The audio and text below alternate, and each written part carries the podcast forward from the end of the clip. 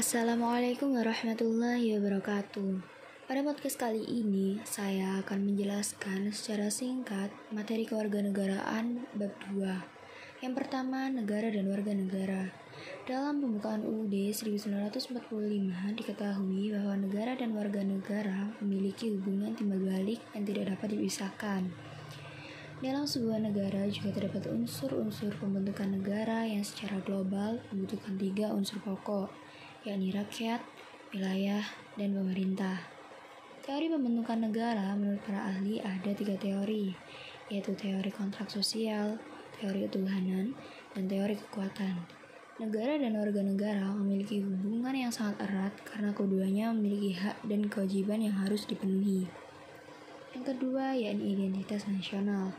Identitas nasional adalah manifestasi dari nilai-nilai budaya yang berkembang dalam berbagai aspek kehidupan suatu bangsa dengan ciri-cirinya yang khas. Faktor-faktor yang mempengaruhi pembentukan identitas nasional adalah faktor primordial dan faktor kondisional. Ada pula unsur-unsur dari identitas nasional, yakni agama, suku budaya, kebudayaan, dan bangsa. Yang ketiga, yakni ketahanan nasional. Ketahanan nasional Indonesia adalah kondisi dinamik bangsa Indonesia yang meliputi segenap aspek kehidupan nasional yang terintegrasi. Konsep dari ketahanan nasional Indonesia adalah konsep pengembangan kekuatan nasional melalui pengaturan dan penyelenggaraan kesejahteraan dan keamanan yang seimbang.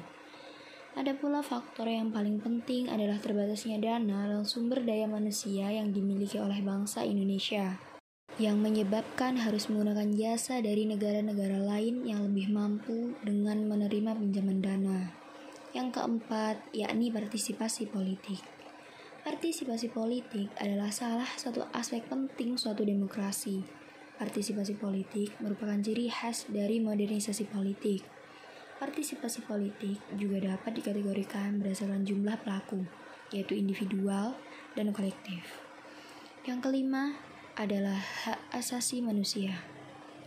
Hak asasi manusia merupakan hak yang melekat pada diri setiap manusia sejak awal dilahirkan yang berlaku seumur hidup dan tidak dapat diganggu-gugat oleh siapa pun.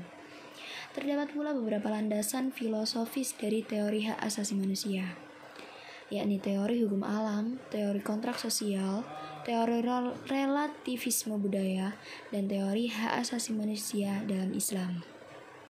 Kemudian ada pula contoh studi kasus dari penjelasan yang telah dijelaskan tadi. Salah satu problematika yang kerap terjadi di dunia politik adalah adanya pro dan kontra dalam tahapan pelaksanaan pemilu dan hasil pemilu lumrah terjadi. Jika ditelusuri dengan seksama, hampir setiap tahapan pemilu memiliki catatan khusus, mulai dari pendaftaran peserta pemilu dan verifikasi. Selanjutnya terkait dengan pendataan pemilih, yang mana dalam hal ini banyak sekali problematik mulai dari pelayanan hak pilih, baik dalam pengelolaan data dan pelayanan pemilih di TPS. Dalam hal ini, terjadi polemik data yang kemudian menjadi ricuh dengan viralnya berita ditemukan ribuan e-KTP di sejumlah wilayah. Spekulasi bermunculan akan adanya potensi kecurangan. Hal ini berpotensi hilangnya hak pilih suatu individu yang memicu, yang memicu terjadinya pelanggaran HAM. Kemudian bagaimana aksi sebagai seorang mahasiswa sebagai seorang civitas akademika, mahasiswa memiliki peran yang penting dalam mengambil peran dalam mencegah permasalahan-permasalahan yang berkaitan dengan isu politik yang erat kaitannya dengan HAM. Terlebih jika hal permasalahan tersebut berupa pembatasan kritik kepada pemerintah. Di sinilah peran sekaligus kontribusi mahasiswa sangat dibutuhkan. Sebagai seorang mahasiswa harus berani menyuarakan aspirasi masyarakat yang ditempuh lewat berbagai cara, baik itu secara langsung maupun secara tidak langsung.